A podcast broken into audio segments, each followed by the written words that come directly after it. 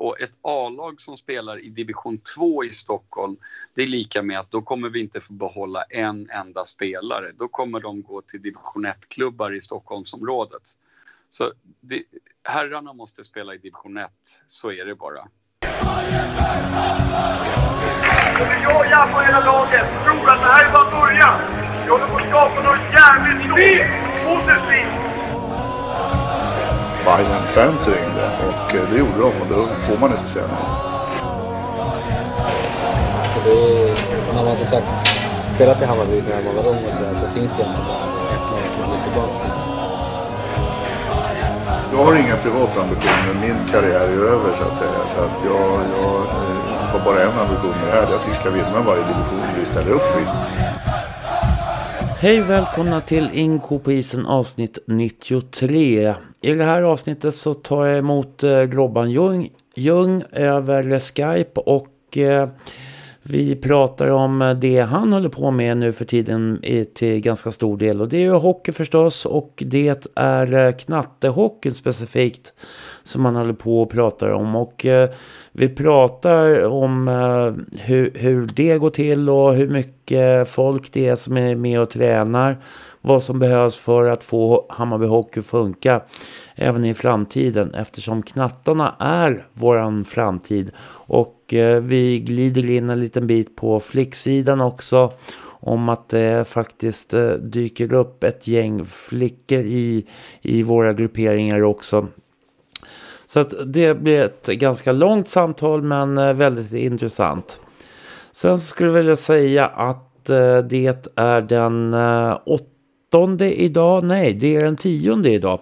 Så, så kan det gå ibland när man inte tänker efter. Och eh, imorgon, eh, fredag den 11, så spelar Hammarby Hockey mot Åkers hemma i STC-hallen eh, klockan 19. Och eh, ja, vi får se hur det går här. Eh, vårt mål är ju i alla fall att vi ska kunna få kliva över strecken, så att, eller det nedersta strecket så att vi kan få spela kvalspel in i det sista i alla fall och försöka i alla, alla fall ge oss en chans att gå upp i ettan.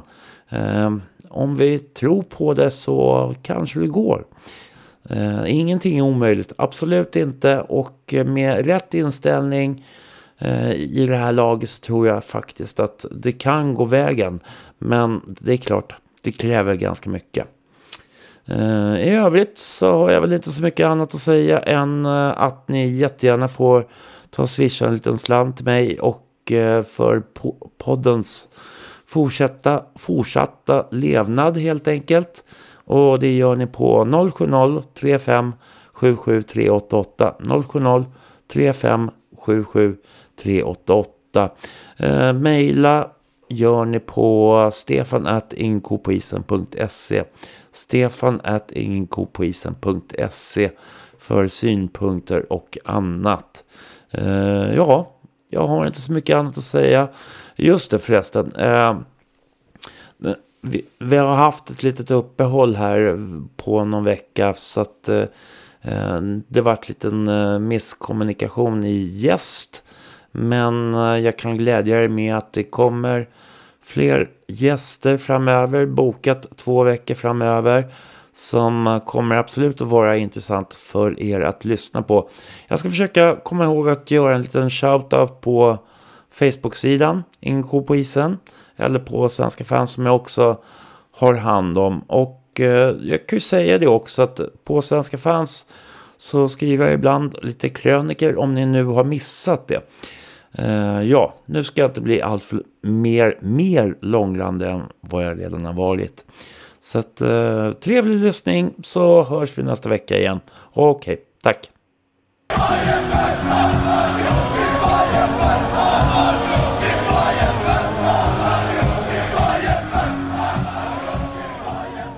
Hej och välkomna till NK på isen och Eh, nu har jag en eh, mycket prominent gäst i form av eh, Robban Ljung. Vem är du? Ja, vem är jag? Jag är väl en eh, Hammarby-supporter som har eh, gått på allt med Hammarby sedan eh, tidigt 80-tal.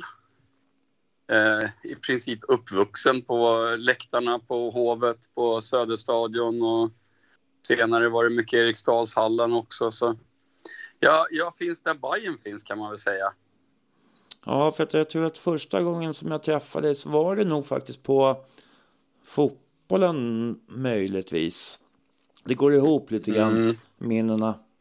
Det gör ju det. Det är så, så många matcher och så många arenor kan man väl säga. Ja, lite så.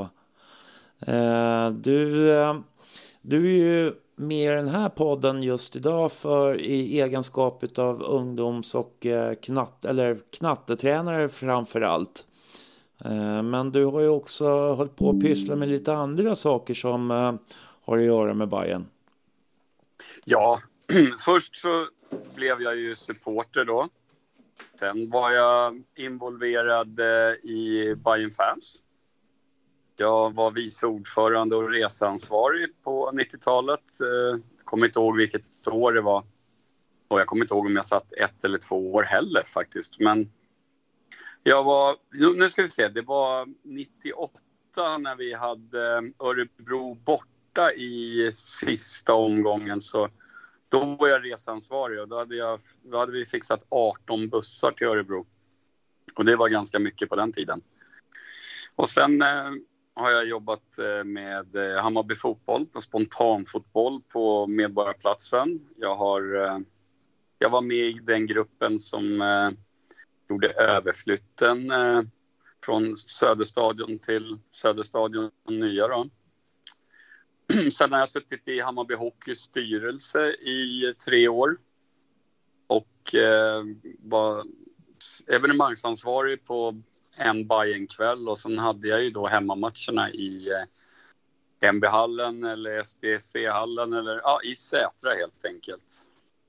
Det är väl eh, kortfattat kan man väl säga. Mm. Du, är, du är också författare. Ja, jag har skrivit en bok och boken handlar just om eh, den handlar om mig, min uppväxt i eh, ett antal miljonprogram i södra förorter och min uppväxt i och runt Hammarby. Jag har eh, haft en ganska trasslig barndom och eh, det var väl därför banden blev så starka så snabbt för mig. För att på på läktarna runt Hammarbys matcher så träffade jag människor som faktiskt såg mig och brydde sig om mig. Och eh, ja, där fick jag mina, mina bästa vänner kan man väl säga. Det var där jag hittade min trygghet och min familj. Mm. Uh, boken, bo heter, eh, boken heter Allé Allé socialgrupp 3. Och, och Billy Rimgard är min spökskrivare. Jag har jobbat tillsammans med honom och eh, Martin Naukler på Sigma förlag. Då. Och Sigma förlag har gjort mycket Hammarbyböcker och mycket idrottsböcker kan man säga. Mm. Uh, Martin Naukler var väl eh, fotograf väldigt länge på Hammarbys matcher i alla dess olika former. Jajamän. Mm. Uh, om man tänker Innan vi börjar med självaste knattehockeyn och allting det där så i och med att du har varit med så länge, så när började du springa på hockeyn? Eh, 85 skulle jag nog säga. Började gå på hockeyn och på den tiden var det ju då division 1 norra, södra, östra och västra och så vidare. Och eh, Bayern var ganska bra. Det var ganska roligt på hockeyn. Det var mycket folk och det var bra tryck på Hovets läktare. Jag älskar ju Hovet. Jag anser att Hovet är den bästa hockeyarenan i hela Sverige. Det finns så mycket traditioner och anor där. Även den här nya, eller nya kan man inte säga nu, men den här restaurangen då. Men den kanske passar in i nutid. Men fundamentet Hovet finns ju fortfarande kvar med de här äh, branta eh, trapporna. Det är, man sitter nära isen och det krävs inte så många tusen för att det ska kunna bli ett rejält tryck på Hovet faktiskt. Eh, det är en fantastisk arena. Eh, och eh, jag sprang ju på allt och på den tiden så när man spelade i division 1 norra så var det ju, det var ju många matcher. Det var ju match hela tiden liksom. Det var onsdagar var ju matchdag och sen tänker jag efter, onsdag, söndag och sen klämde de nästan alltid in en fredag eller lördagsmatch. Så det var, det var mycket matcher och, och en lång säsong hela tiden och jag gick i princip på allt. Jag vet att i boken har jag skrivit om att jag till och med när jag gick i högstadiet så skaffade jag mig ett svartjobb på Örby Gummi för att tjäna pengar så att jag kunde köpa biljetter. Mm. Och gå på både hockeyn och fotbollen. Det var ju de sporterna som var aktuella då. Sen kom ju bandyn och handbollen senare liksom och då gick man på det också. Mm. Men gick du regelbundet ifrån 85 fram till liksom eh, konkursen också eller vad vart Nej, det blev väl lite så att i sista åren då blev det inte lika frekvent för att då var man ganska besviken på att vi aldrig kom någonstans. Vi var ju på gång ordentligt och jag kommer aldrig glömma de två bästa hockeymatcherna jag sett när vi slår ut Gnaget i Globen. Den är, den dubbel, det dubbelmötet är ju det är magi och det vet jag att många med mig håller som bland de coolaste och, och häftigaste bayern eventen som varit. Mm. Så att, eh, där och sen eh, vi kvalade mycket och sen började det ju liksom sakta gå neråt. Mm. Så att eh, jag gick frekvent ja, fram till, eh, ja, till, till eh, ja, kanske de sista fyra, fem åren var jag nog inte jätteflitig besökare.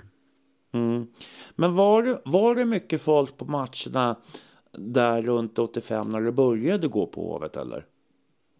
Nej, det var det ju inte. Det, berodde, det, det var ju väldigt upp och ner beroende på vilket lag vi mötte och vilken veckodag. Liksom. Och det var ju verkligen så att eh, helgmatcherna, då var det ju mycket mer klackmänniskor. En fredag och en lördagsmatch, då blev det ju väldigt bra drag kan man säga. Medan jag kommer ihåg onsdag hemma mot eh, Uppsala. Eller hette de Almtuna då? Nej, vänta, vad hette de?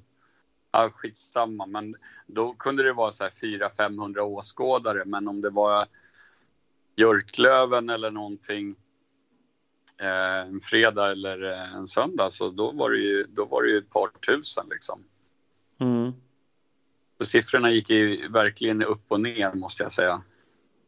Ja, och eh, hela den här soppan med AEG och aktiebolag och alla sådana där grejer. Var det också någonting som du reagerade på eller hade du redan slutat gå då? Ja, då hade jag nog eh, tappat intresset. Så jag, och då var jag mer involverad i fotboll och handboll och, och en del bandy också faktiskt. Mm. Som jag hjälpte till som publikvärd och så vidare. Så att eh, jag hade väl nog tappat sugen på hockeyn för att det, det, det, var, det var dåligt skött ganska länge innan det gick åt skogen. Mm. Eh, men sen så när Bayern Fans hockey startade upp efter konkursen eh, var du med någonstans där i, i den håsen så att säga? Jag var inte med först, i första, första skedet, det var jag absolut inte. Men eh, ganska snabbt så återfann, återfann och återvann jag mitt hockeyintresse och sen började jag åka på allt. För det var så jäkla roligt. Det var, ja, av supportrar för supportrar och det var supportrar i eh, massvis med supportrar på alla matcher. Utomhusmatchen i Kärrtorp och Norrtälje borta. Alltså det var, det var jättehäftigt. Det var ju som att åh, hockeyn lever igen. Och sen blev jag ju då snabbt involverad och sen så hamnade jag i eh, hockeystyrelsen. Mm.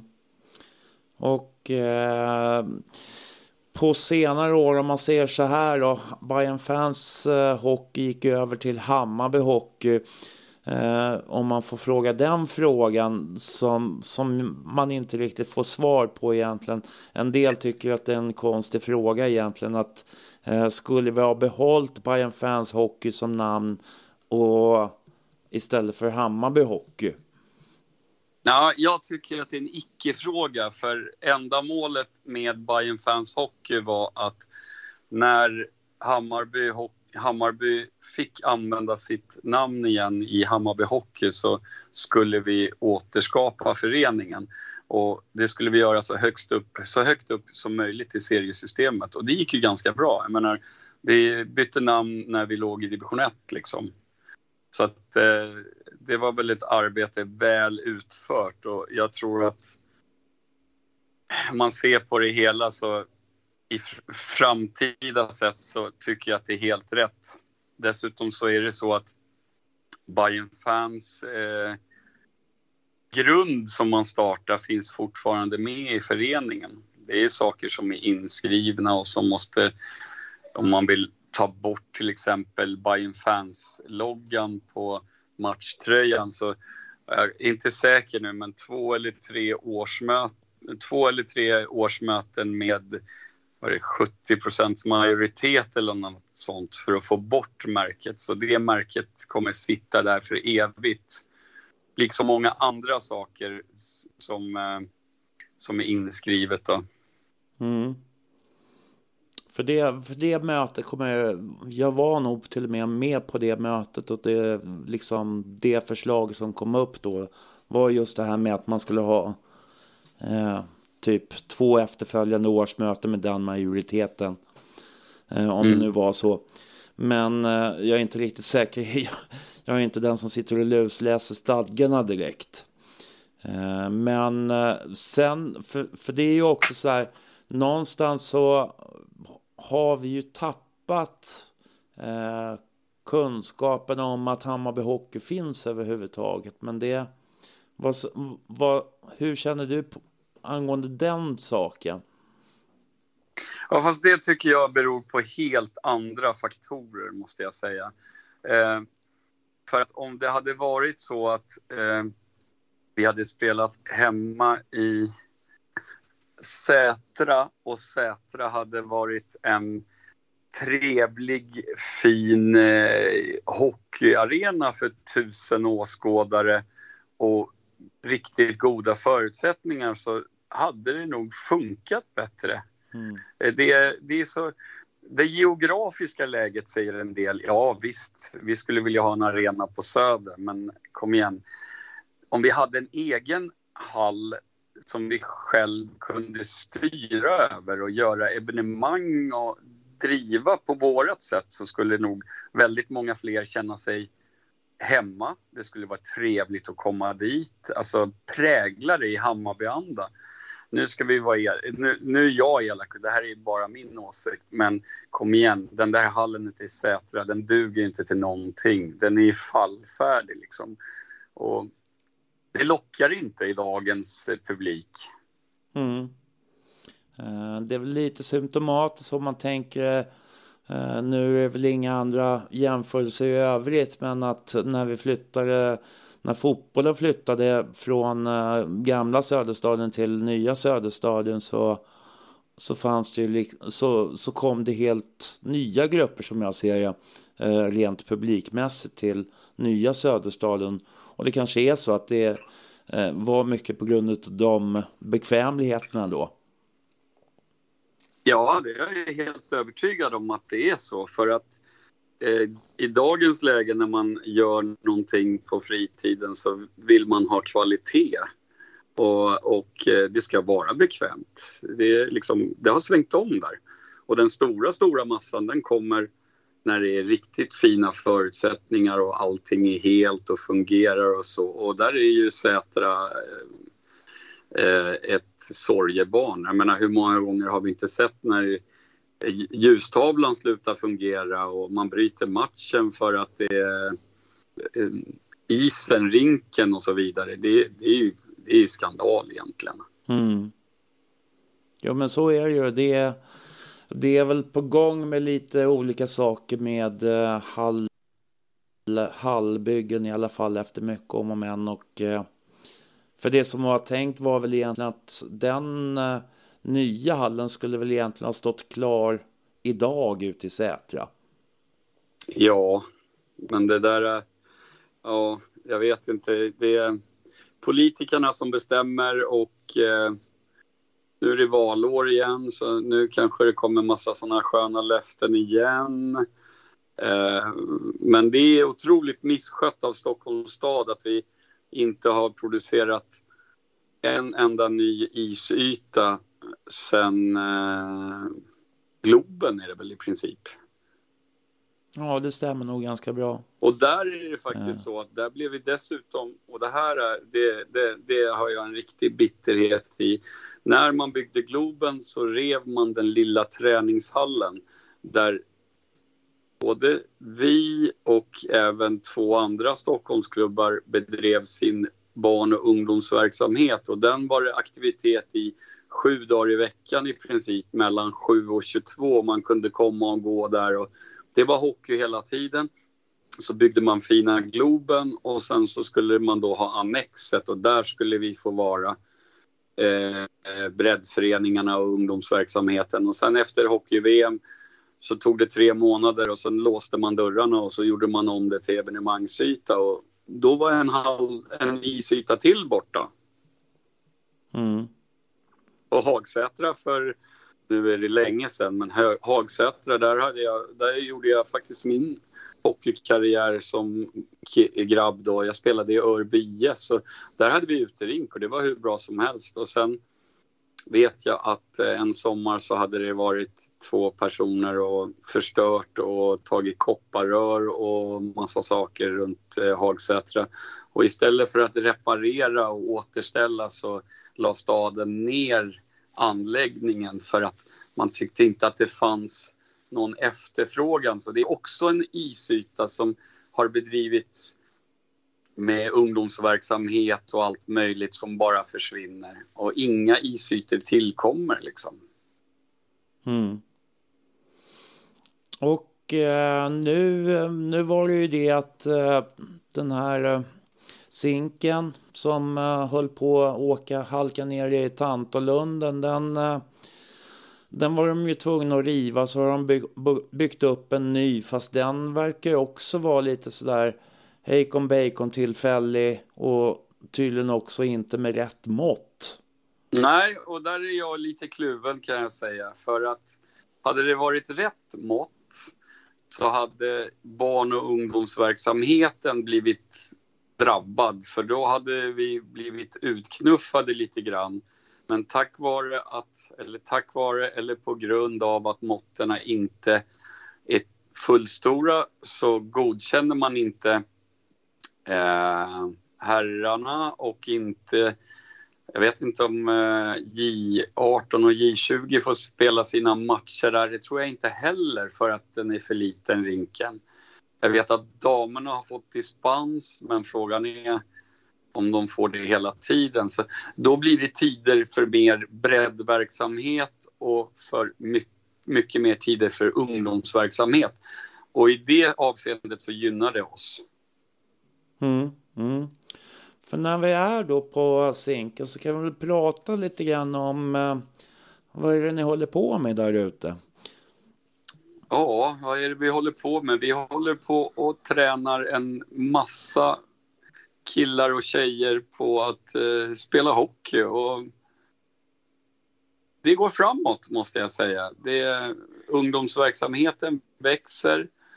Eh, vi utbildar spelare, vi skapar vänskapsband mellan eh, olika åldrar och eh, vi utvecklar hela ungdomsverksamheten. Eh, det är jättekul faktiskt. Det, vi, det går bra. Det går riktigt bra faktiskt. Mm. Men eh, hur kommer det sig att du har hamnat med knattehockeylagen då? Uh, för, kanske har att göra med barn och sånt, egna barn? Ja, så är det. Det var ju så här faktiskt att eh, när min son fyllde tre så ville jag att vi skulle spela hockey. och han ville börja åka skridskor. Så då började vi åka på eh, uterinken i Kärrtorp, för då var det faktiskt uterink där. Och så anslöt vi oss till hockeyskolan och började vara med där och träna och träna. Och eh, då dök också en annan eh, person upp, en riktig hockeyprofil. Robin Jalkerud dök upp med sin grabb och Mm. började träna han också. Och sen när de blev äldre så kände både jag och Robin att eh, nu måste vi nog ta tag i det här och starta ett lag. Så vi startade ett lag tillsammans. Mm. Och då hade Hammarby ett par lag och sen har de eh, så att säga hål i stegen lite grann för att eh, det byggdes upp lag men eh, de rasade av olika anledningar och eh, då tappade vi vissa årskullar. Mm. Men nu eh, har vi byggt upp eh, Team 12, Team 13, Team 14 och Team 15 ska sättas igång nu. Och eh, vi får fler och fler spelare och det är mycket spelare på hockeyskolan och vi har hockeyskola både på Kärrtorp och på Zinken. Och eh, vi har fått in en hel, en hel del, man kan aldrig vara för många ledare, men vi har också bra med ledare. Så vi utvecklar föreningen hela tiden och, och i slutändan så tror jag det att om ungdomsverksamheten fortsätter utvecklas och vi inte får några hål i stegen så att säga så tycker jag att framtiden ser ganska ljus ut faktiskt. Trots att vi inte har en egen hall och vi är lite här och lite där. Men det finns någonting som det faktiskt eh, alltså, som händer i, i föreningen. Vi går framåt hela tiden. Spelarna resultatmässigt. Vi tittar inte på resultat, vi räknar inte mål, men vi ser att vi kommer i fatt de föreningarna som redan är etablerade. Så att, eh, Mm. det går framåt, det går framåt ordentligt. Mm. För om vi börjar då med, eller om vi tar det här med zinken också, för det, det var väl lite problem med eh, varmförråd och såna där saker. Hur, hur mycket är på plats idag? Ja, där är det ju, eh, där är det ju dåligt. Där är det ju, där är det ju dåligt. Alltså, runt omkring så fungerar det inte, så är det. Och det, det, det funkar inte på Kärrtorp heller. Vi har inte egna omklädningsrum, vi har ingen egen byggnad. Vi har en varmcontainer på Kärrtorp och eh, vi har några, några eller något kallförråd på Zinken. Eh, man säger att det ska lösas och att det ska komma eh, bättre förutsättningar. Så där är vi ju riktigt, riktigt eh, knepigt läge så att säga. Om man jämför med våra, andra, våra, våra motståndare så har ju de egna hallar och de har varmförråd och de har alla förutsättningar. Där är vi absolut inte. Där går det trögt. Men samtidigt så vill jag fokusera på det som går bra. Vi har, vi har en väldig massa människor som vill att vi ska komma någonstans. Och eh, vi utvecklar allting. Så bitarna faller väl på plats lite, lite grann. Liksom. Men det, det saknas den där riktiga pushen. Liksom. Mm. Men eh, för att det är ju så här, eh, hur har gången med, med Kärrtorp varit? Det har varit uteringen som, rinken som man har satt ett tält på som jag förstår det. Eller hur var Ja, det, det är där? precis så det är. Det är precis så det är. Men vad det gäller alltså, kvaliteten på isen och sargerna, sargerna och allting runt omkring och tältet, så det funkar hur bra som helst. Där kan vi inte klaga. Jag skulle vilja påstå att eh, ismässigt så vi har en väldigt, väldigt bra is. Jag har varit på träningsläger med Team 12 uppåt i landet och eh, det går inte att jämföra. Våran is var ju mycket, mycket bättre liksom. Så att, eh, Mm. på det, på, det, på det planet har jag ingenting att klaga på. Liksom. Båsen, eh, dörrarna, isen, plexi, allt sånt det är perfekt. Det är jättebra faktiskt. Tältet är väldigt ljust och bra. Eh, så att, jag har ingenting att klaga på där och dessutom är det ny utrustning. Man kan koppla in eh, ja, elektronisk utrustning och, och ljustavlor och det funkar hur bra som helst. Så där är vi mm. liksom... Mm. Jag skulle vilja säga att det kan alltid vara bättre, men jag är väldigt, väldigt nöjd med, med de förutsättningarna. Och eh, hur har det varit? Eh, det, för det var väl ganska mycket krångel innan det där tältet kom på plats också. Kanske man eh, frågasatte väl kanske lite eh, Hammarbys närvaro på Kärrtorp också. Ja, absolut. För då hade vi inte så många lag och så vidare. Men eh, nu har ju tiden gått och nu har vi ju många lag och det skapas nya lag och vi är många som tränar. Så att eh, nu måste det finnas ytor för oss och tider för oss. Så enkelt är det. Och vi tänker ju inte sluta nu utan vi tänker ju fortsätta växa. Mm. Eh, vad har man tagit in? Vad är, vilka är det som tränar? Är det sådana som du som är föräldrar eller har man tagit in folk som är tränare eller hur, hur sköts den saken? Alltså, ut, får ni utbildningar i tränarutbildningar så att säga? Ja, absolut. Eh, tyvärr så har vi som alla vet haft eh, en pandemi nu så nu har ju alla eh, tränarutbildningarna varit inställda. Men jag och Robin och Isak gick på en fantastisk eh, utbildning på Bosön. Med, eh, ja, det, det är Svenska Hockeyförbundet som håller i den och den utbildningen var otroligt bra. Eh, man lärde sig otroligt mycket och man knöt kontakter med andra föreningar.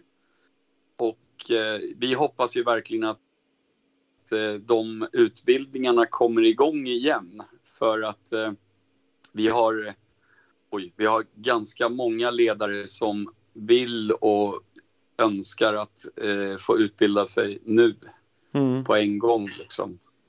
Och sen är det ju så när man jobbar med knattehockey och barn, barnhockey så det är ju föräldrar och ofta så kryper det ju fram sen att jo, men jag har spelat lite hockey och då är det någon som har spelat i division 2, någon har spelat i ettan. Det finns mycket hockeyföräldrar som vill hjälpa till och, och hoppa in och och även de som inte har hockeybakgrund hoppar in och blir lagledare och kassörer och allt möjligt. Så det finns en vilja där för att det är väl lite så här också att hockey är ingen sport som man kanske provar på på skoj utan där finns det ett intresse från början till skillnad från att nästan alla föräldrar tycker att ah, mitt barn behöver göra någonting. Ja, men vi kör fotboll då. Mm. Testa det. Liksom. Mm. Hockey, hockeyt är ju liksom finns ju redan på något sätt i familjerna, skridskoåkning, hockey och så vidare. Man, man gillar det på något sätt och så då ansluter man sig. Och därför har vi fått väldigt engagerade ledare också. Mm. Uh, och är det så, alltså hur uh, är ungarna med från, alltså märker ni att ungarna är kvar längre i hockeyskolorna eller liksom hur, hur hur funkar det intervallet? Ja, det är ju så att eh, de kommer ju alltid i eller alltid, de kommer i olika åldersgrupper. tre, vissa börjar när de är fem, vissa börjar när de är sju eller åtta. Men det är det som är så härligt med barn, eh, att de lär sig så fort. Så att eh, när vi startade laget, eh, det laget som jag tränar av, Team 12, så var vi kanske åtta eller nio spelare. Idag är vi 19 spelare och på träningen som vi hade nu ikväll här tidigare så var det en ny kille som inte hade spelat någon hockey alls. Han kunde åka skridskor och han kunde hantera klubba men han ville vara med och mm. provträna med oss. För han hade två kompisar i, i det laget som jag tränar och Robin. Eh, och han var med och körde hela träningen och efteråt sken han som en sol och tyckte att det här var jättekul. Och det är ju så att barn lär sig extremt fort och de kommer upp till sin sin, sin åldersgrupp. Det kanske tar ett år så har man kommit ifatt sina kompisar och sen fortsätter man utvecklingen tillsammans. Vi har flera spelare som började sent som har gått från hockeyskolan och sen gått upp och kört lite hockey med team 14 och team 13 och sen ramlar in till oss då för att de är 12 liksom. Så att det går. Mm. Det går absolut.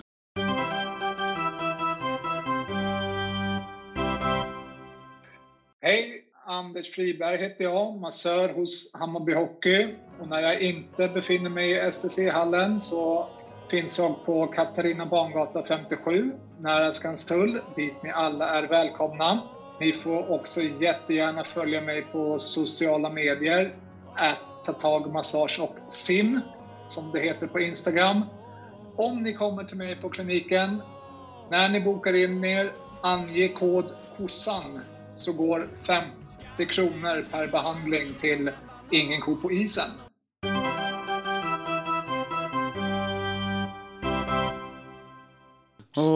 Där har du en annan fråga. Man pratar om hockeyn som eh, pengasport. Alltså att utrustning kostar mycket pengar. Men det, eh, jag har förstått det som, jag har hört att ni, ni samlar ihop utrustning och liksom ni får in utrustning från olika håll nu. Ja, vi har fått det förut lite grann och Hockeyskolan har en, en väldig massa utrustning som man får eh, låna. Man kvitterar ut det och lånar det och så får man prova på. Och om man då fastnar för det så nästa år då, då blir det så att då kanske Hockeyskolans grejer är lite för smått och så vidare. Men då är det ju så att eh, en del skänker ner sin utrustning, alltså de växer ju ur det så vi försöker ju trycka ner så mycket utrustning som möjligt neråt i lagen. Så min grabb han har väl växt ut två eller tre prylar och då försöker man skicka det neråt. Och eh, på det sättet stötta de som börjar och sen är det ju så hockeyskydden blir inte utslitna mm. för barn för att de hinner växa ur dem. Och därför finns det ganska mycket man kan köpa begagnat och på loppisar och sånt. Jag vet att Petters första hockeyutrustning, där köpte jag en hel kasse för 360 kronor. Och det var en mm. komplett hockeyutrustning. Så andrahandsvärdet är väldigt lågt, så har man intresset så frågar man och så, och så letar man. Och nu har vi börjat med att vi ska ha en sån här utrustningsbytardag i Hammarby Hockey. Och det ska vi ha varje halvår. Där man kommer med sina grejer som är för smått och så kanske man kan sälja dem för 50 kronor, de där armbågsskydden, och så kan man köpa ett par större för 50 kronor och på det sättet mm. hålla ner kostnaderna. Och Eh, det finns väl två saker som jag har faktiskt ändrat mig på själv.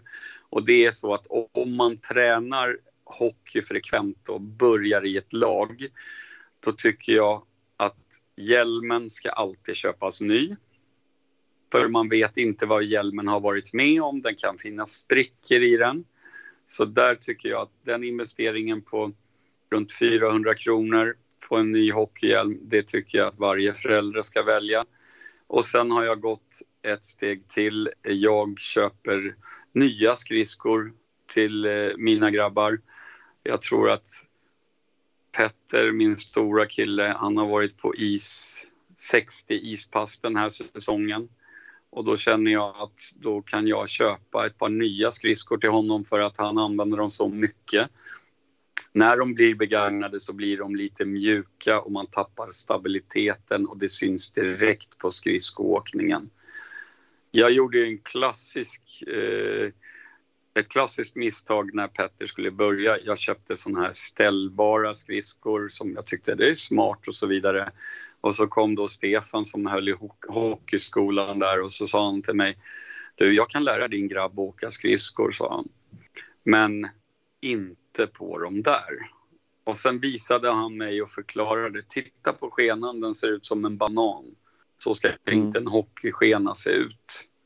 Så jag åkte och köpte ett par nya griller till Petter som åkte med sån här stöd, eh, man stödjer sig på en träställning då. Han var tre, det tog tre ispass och sen åkte han själv. Så att vissa saker är ganska uppenbart att eh, där ska man lägga pengarna på. Det är skridsko och hjälm.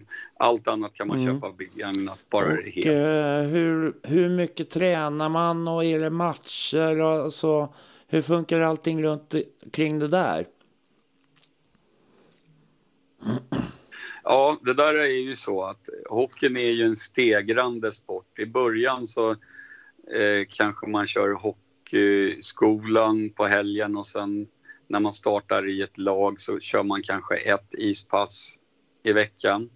Men vi har också sagt att spelare i olika åldersgrupperna är välkomna på kanske åldersgruppen övers ispass och unders ispass för att i slutändan handlar det om timmar på is.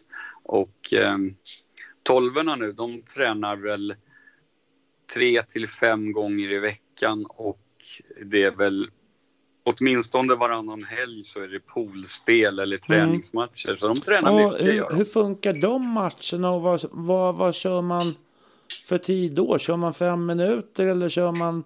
Eller vad, vad, hur funkar det?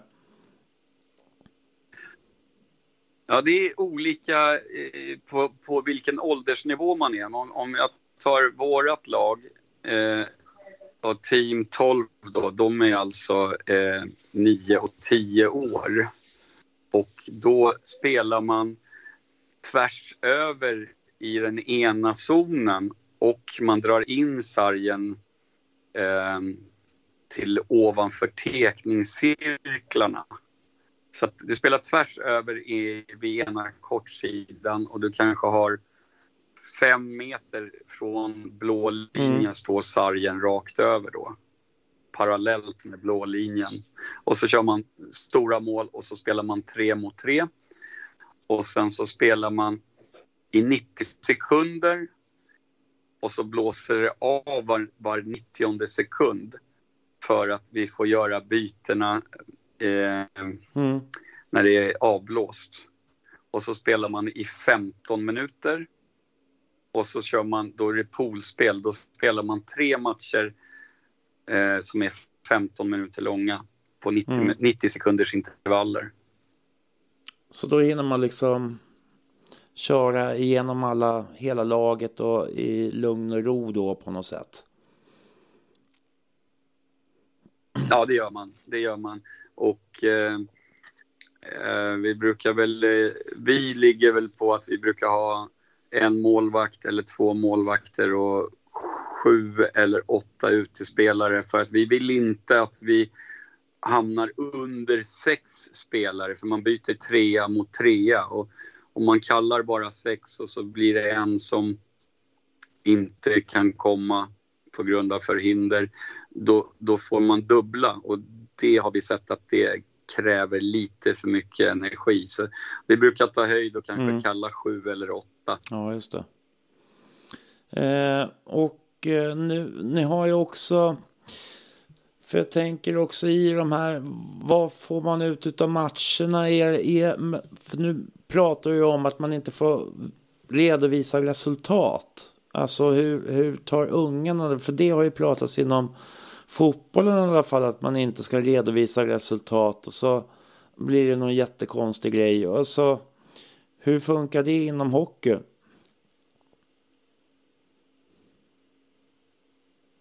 Ja, vi räknar inte heller resultat. Vi har inga scoreboards och så vidare.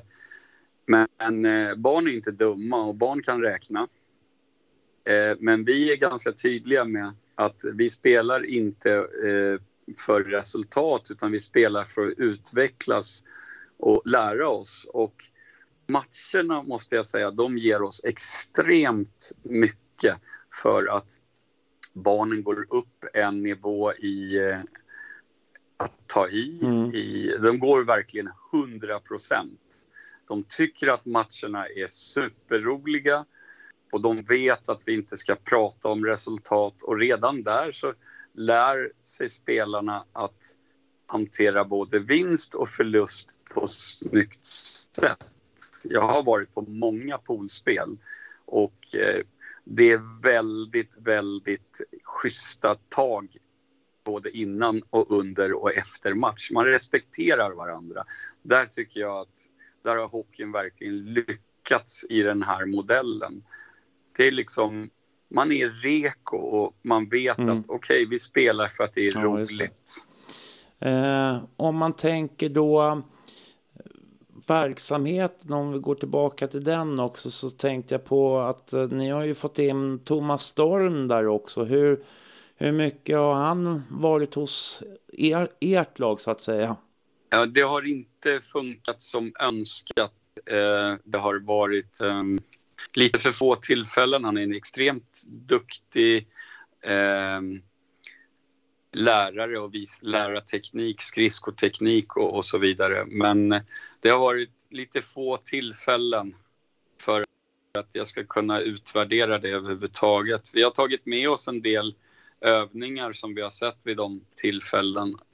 Men vi har ju faktiskt så också att Robin Jalkerud kan faktiskt åka skridskor otroligt bra. Och eh, jag har faktiskt sagt det också.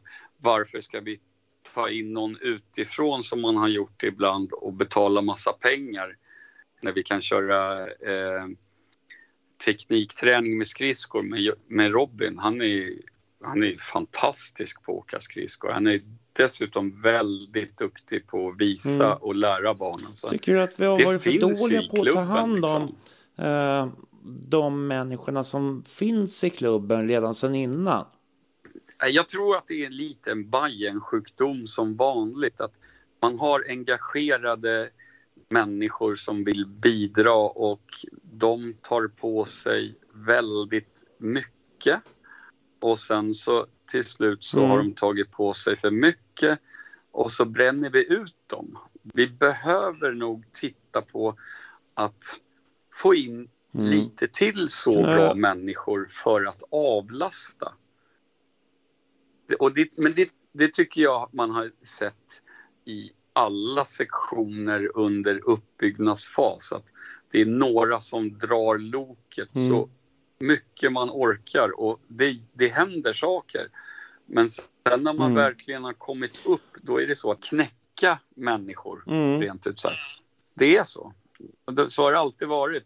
Och precis som du säger, i uppstarten så är det nog några få som måste dra, men ganska fort så måste man nog vara medveten om att nu behöver vi få in lite mer människor och avlasta de som fortfarande drar liksom.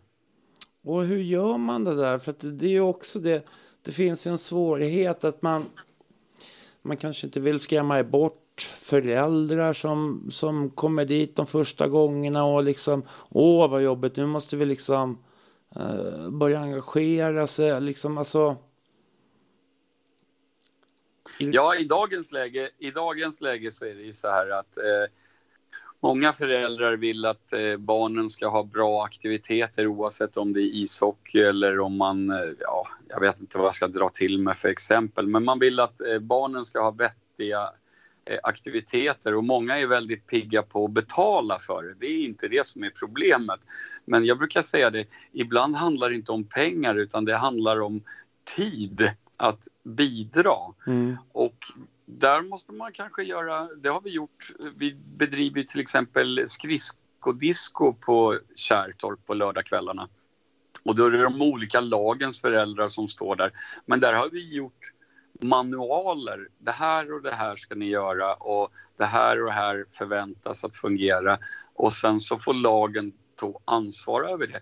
Och jag har faktiskt eh, bara hört positivt för det har varit ganska enkla uppgifter. Man får skala ner det och se till att det fungerar för preppa med inköp och sånt och sen så får de komma dit och bidra med två eller tre timmar och sen så har man gjort en bra grej av det. Jag tror att man måste göra så att några krattar lite manegen och sen så tar man in de frivilliga och sen är det ju så, ja men jag kan stå nästa gång också för det här var så trevligt och sånt. Det har jag ju hört mer än att åh, aldrig mer liksom. Så man måste göra det enkelt, att de känner att de gör nytta och eh, en bra insats, en kort kortare tid. Det tror jag är en nyckel.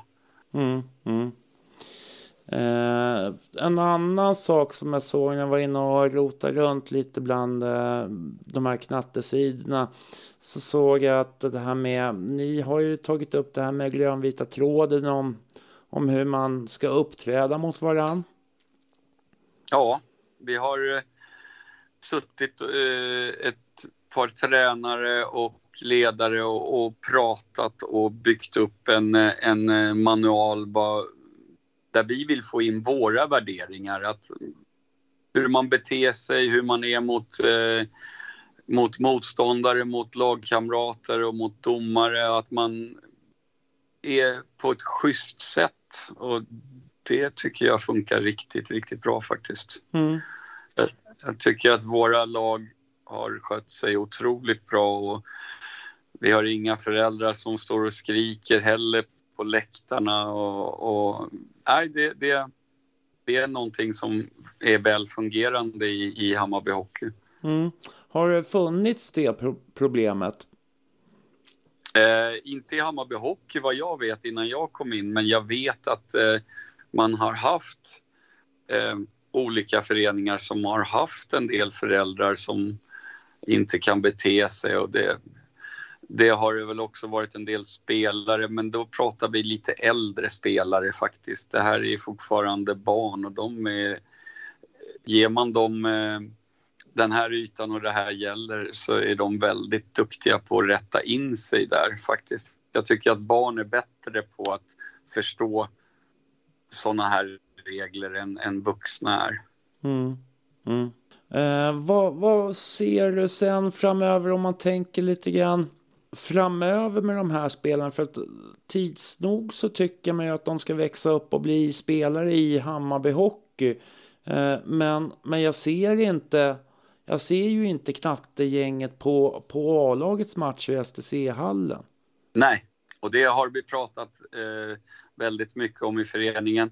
Vi började med eh, hockeyknattar eh, som la straff innan matcher och så vidare vi fick igång det och sen kom det en pandemi och då la man ner det och så har det varit, ett tag fick vi inte ens träna själva liksom. Och eh, vi har väl också tittat på värdet i det och det är väl så att värdet i det kanske inte är så stort förutom om det är en lördagsmatch klockan 16 eller en söndag kan man ta dit knattar och juniorer. Men det är inte lätt att ta dit de här åldersgrupperna klockan 19 i Sätra för det blir för sent för dem. Mm, mm. Det är sko skola och träningar och allt möjligt. Men vi, klubben jobbar för att vi vill binda ihop A-verksamheten och, och J20, J18 och damerna Eh, och allting ska knytas ihop. Mm. Men det är svårt när vi är på tre ställen. Mm. Det är jättesvårt. Hur pass mycket har du eh, gått in i det nya Hammarby som jag lite grann kallar det ibland? Alltså det som är med ny styrelse och liksom de här diskussionerna som du för nu? Jag har, inte pra jag har pratat med, med enskilda styre med styrelsemedlemmar eh, under hela den här uh, säsongen. Eh, jag är inte insatt i styrelsens arbete utan jag är väl mer insatt i ungdomsverksamheten och, och framför de önskemål som eh, vi har. Jag vet att styrelsen jobbar hårt med eh, många av de här problemen med förråd och allting, det är, det är sånt som man jobbar med hela tiden. Så att, eh, det lägger inte jag någon energi på för att eh, jag måste lägga min energi på att ungdomsverksamheten och ja, tolverna då, som är mitt lag, så att allt det fungerar. Och, men vi pratar ju, alla ledarna på ungdomssidan pratar med varandra, alla tränare pratar med varandra. Vi vill ju verkligen dra åt samma håll. Mm. Där har vi frekventa möten om vad som behöver göras, vad som kan bli bättre och vad som är bra. För det är faktiskt mycket som är bra. Mm. Sen är det ju faktiskt så att det finns ju man, man måste titta också på saker som fungerar väldigt bra. Damerna går ju otroligt bra nu. Mm. Det är jätteroligt och flickhockeyn börjar vakna upp också. Det börjar komma flickhockeyspelare. Så att det, det känns ju återigen som att vi, vi bygger upp någonting sakta och, och det fungerar liksom. Det, och det, det måste vi ta med oss. Mm.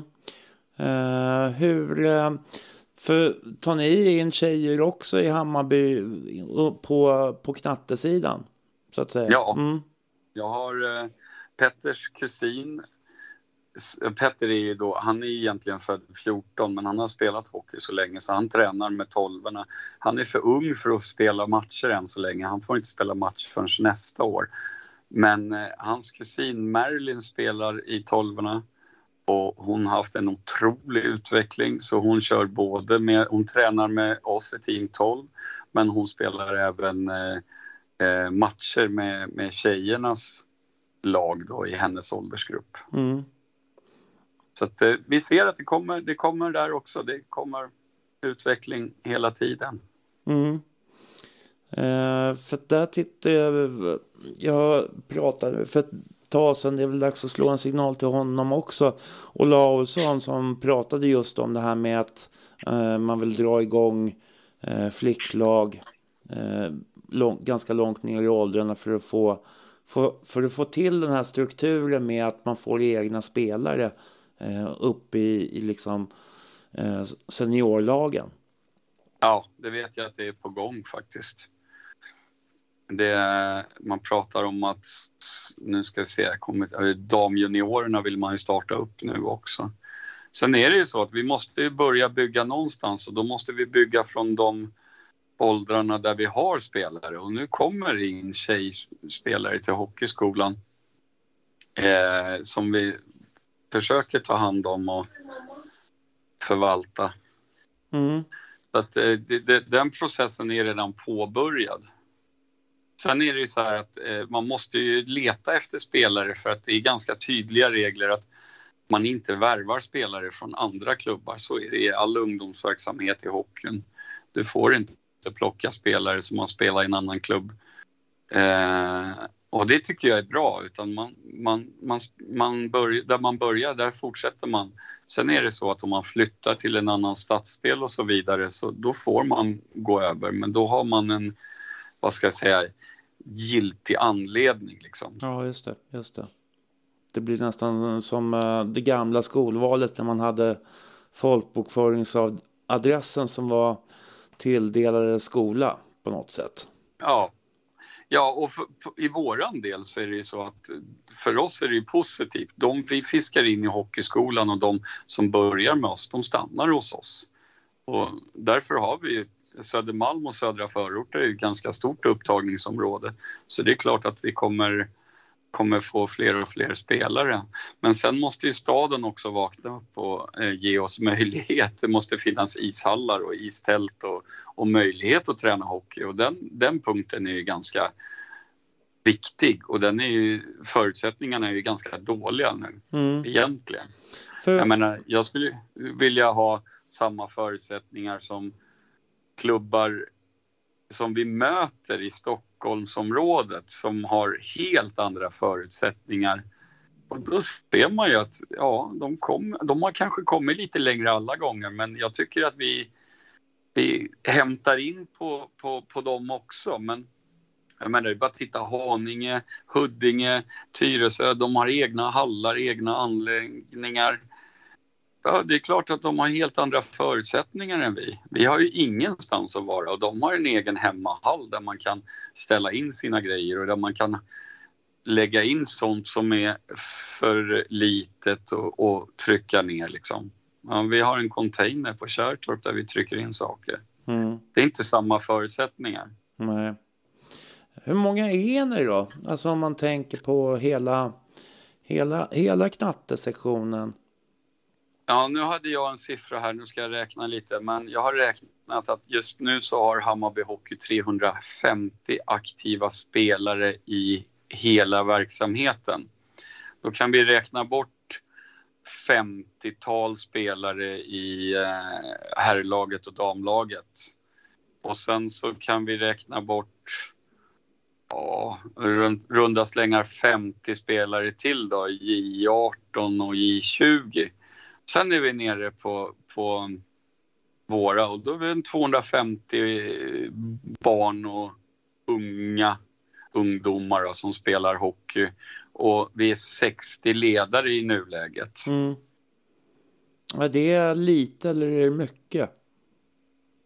Ja, det är nog ganska lite, men om man backar bandet ett par år så är det klart fler nu än förut. Så är det ju. Mm. Mm. Så att vi blir fler och fler. Ja, just det. Vad, vad, vad tänker du framöver då? Liksom, om man tittar, om man säger fem, fem år framåt i tiden då. Hur, vad tänker du liksom vad Hammarby Hockey skulle kunna vara då? Ja, eh, först och främst så säger jag så här att föreningen måste göra allt för att lyfta upp herrarna till minst division 1 för att vi ska bedriva en barn och ungdomsverksamhet när de här spelarna har blivit utbildade, fostrade och lärt sig att spela hockey så måste de ha ett A-lag att gå till. Och ett A-lag som spelar i division 2 i Stockholm, det är lika med att då kommer vi inte få behålla en enda spelare. Då kommer de gå till division 1-klubbar i Stockholmsområdet. Så det, herrarna måste spela i division 1, så är det bara. Det finns inga, inga andra alternativ om vi i framtiden ska komma någon vart. Mm. Sen måste vi få en plats där vi kan samla föreningen. Vi kan inte finnas på tre isytor. Hur lösningen blir, det, det har jag ingen aning, men vi måste ha ett basläger där stora delar av föreningen håller till. Mm. Så att vi kan liksom binda ihop damer och herrar och juniorer och seniorer och så vidare. Mm. Det, det är de två stora målen som vi måste jobba emot. Mm. För jag känner ju också det här att man Eh, man träffar bara de som är runt eh, här, härlaget, det som jag går på mestadels liksom. Eh, och du träffar inga knattar, du träffar inga liksom andra inom föreningen utan det är ju liksom det är som levande varelser som är utanför fast under samma märke på något sätt. Ja, det är precis så det är faktiskt. Vi är ju splittrade i den, den eh, situationen att vi har våra olika delar av eh, hockeysektionen på tre olika ställen. Det, och det är inte bra. Det är inte alls bra. Det, det bästa vore ju att det stod en eh, ishall för 500 åskådare eller 1000 åskådare på Kärrtorp eller eh, någonstans. Skarpnäcksfältet eh, som man har pratat om förut med eh, simhall och ishall bredvid varandra. Det har väldigt goda synergieffekter vad gäller energi och så vidare. Jag har hört lite andra saker och alternativ också. Jag vet att det jobbas på det och det verkar faktiskt lite som att staden kanske har vaknat lite. Men det vågar jag inte hoppas på. Men jag skulle vilja att om fem år att vi hade en punkt där vi hade föreningen. Mm, mm, mm.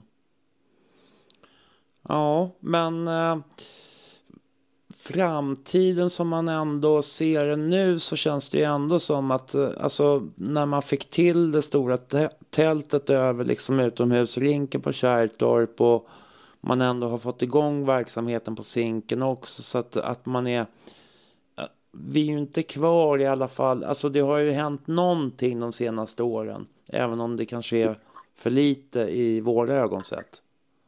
Ja, jag tycker att det har hänt ganska mycket. Alltså, man tänker på att när Hammarby gick i konkurs så på en, över ett beslut så sopades hela ungdomsverksamheten bort i princip.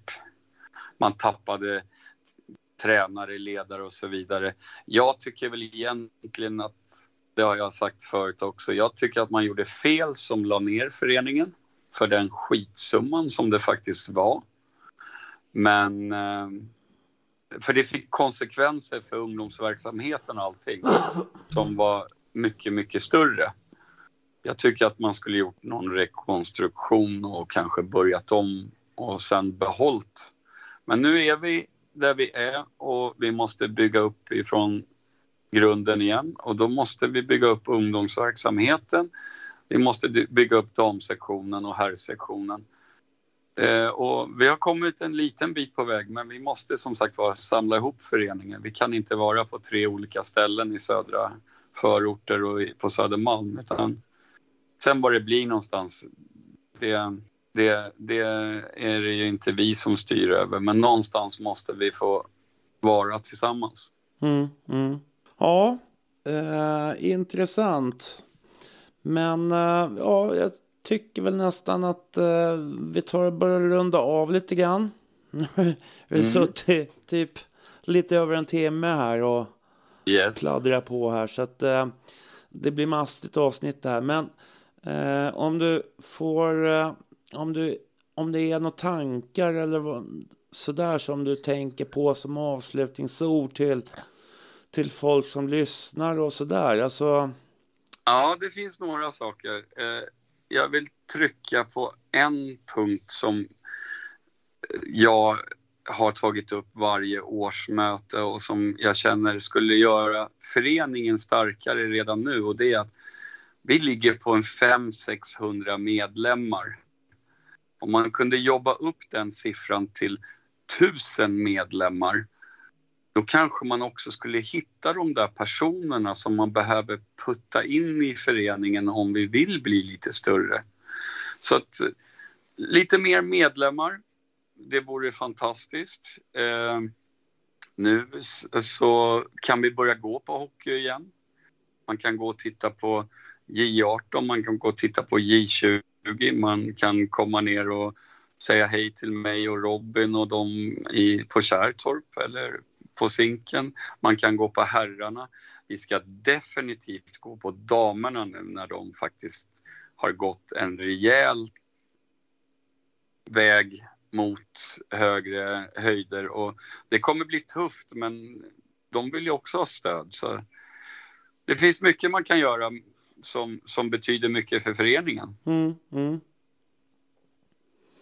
Ja, nej men uh, en shout-out till folk att uh, ta sig till de olika arrangemangen som ändå sker och träningar och matcher helt enkelt. Ja. Mm. Ja, och var, se till att bli medlem. Medlem, medlem, medlem. Och hur blir man ja. medlem? ja, man går in på hemsidan och klickar på eh, länken bli medlem. Uppmanar... Så enkelt är det. Ja, och så blir man medlem och så blir allting jättebra. Ja. Ja.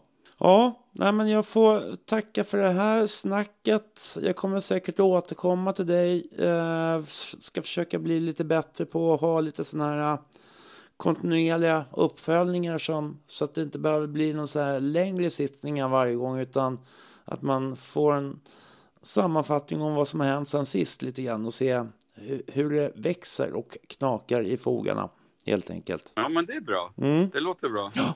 Så får jag tacka för nu helt Tack enkelt. Tack själv. Okay. Forza Bayern. Forza Bayern.